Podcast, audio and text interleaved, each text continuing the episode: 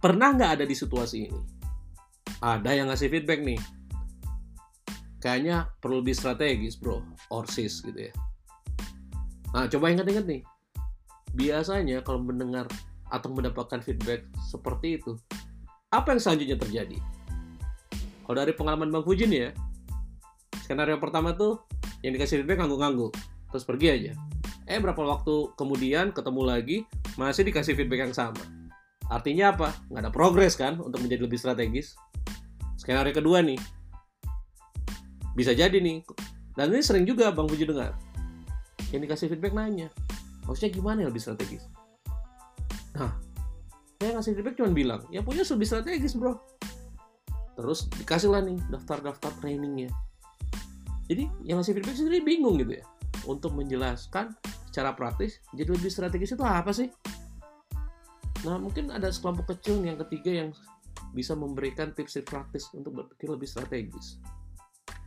Nah karena itu episode kali ini akan membahas mengenai fondasi untuk menjadi terlihat lebih strategis. Kenapa menjadi terlihat ya, tanda kutip ya? Karena kalau orang yang senangnya definisi apa itu strategi, itu masih banyak perdebatan tuh. Tahun 96, Porter aja masih nulis nih. Ya kan, Porter ya. Five Forces That Shape Strategy. 96 tuh. 2015 kemarin masih aja ada keluar artikel di Harvard Business Review. What is strategy? Again, ada yang bilang blue oceans lah, do the same thing with the lowest cost lah, dan ada beberapa hal lainnya ya. Nah, kalau kita praktisi, oke okay lah kita parkir dulu itu ya, perdebatan itu. Sebagai praktisi, kita ingin terlihat lebih strategis. Nah, untuk tahu fondasinya, kita awali dengan pertanyaan simpel dulu nih. Di momen-momen seperti apa, kebanyakan dari kita menjadi terekspos dan dianggap kurang strategis. Dari pengalaman Bang Fuji, ini biasanya terjadi ketika kita diminta untuk menganalisis atau menyampaikan laporan terkait sebuah situasi dan juga ketika harus menyampaikan usul untuk bereaksi terhadap situasi tersebut. Nah, situasi-situasi ini bisa dalam bentuk meeting face to face atau juga dalam bentuk tulisan yang kita sampaikan. Karena itu, fondasi untuk menjadi lebih strategis adalah harus paham konteks. Ingat ya, paham konteks. Dan konteks ini ada tiga level. Konteks level paling bawah itu harus paham konteks proses dan konteks waktu. Itu basic banget dah. Jadi kalau ditanya ini kenapa begini, kenapa begitu, melaporkan harus bisa dan menguasai secara runut prosesnya seperti apa dan trennya seperti apa tren ya soal waktu dibandingkan tahun kemarin misalnya periode yang sama atau setiap quarter itu bisa dijelaskan yang kedua level kedua nih adalah konteks komersial. Ada dua elemen juga. Komersial yang terkait impactnya terhadap PNL profit and loss bisnis kita. Jadi kalau misalnya delay nih. Orang produksi atau procurementnya delay, apa costnya bagi perusahaan? Untuk beberapa tahun ke depan atau untuk beberapa bulan ke depan?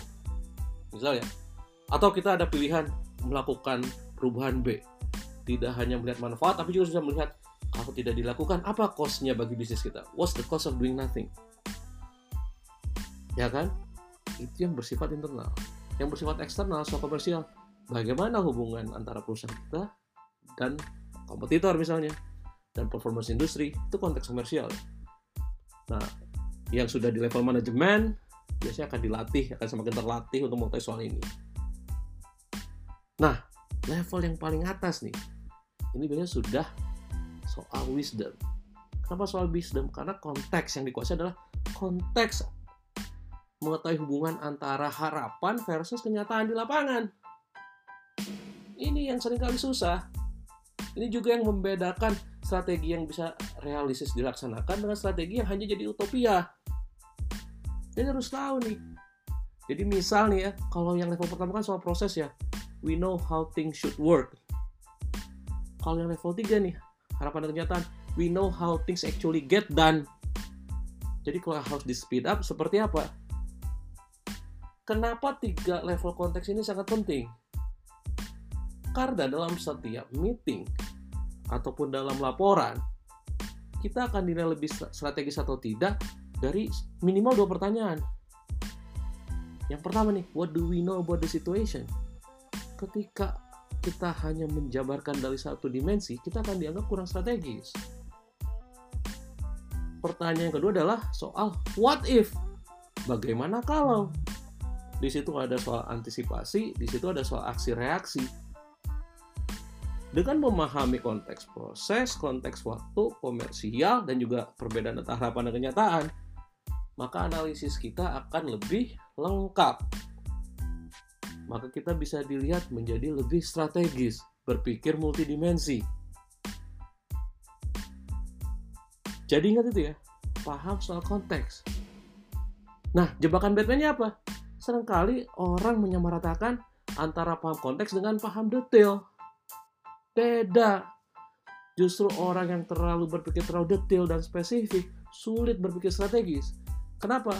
Yang dilakukan adalah deep, deep dive. Deep dive secara vertikal. Sementara berpikir strategis harus seperti huruf T. Vertikal dan horizontal risnya harus sama-sama kuat. Kembali lagi ya, fondasi untuk terlihat lebih strategis adalah harus paham konteks.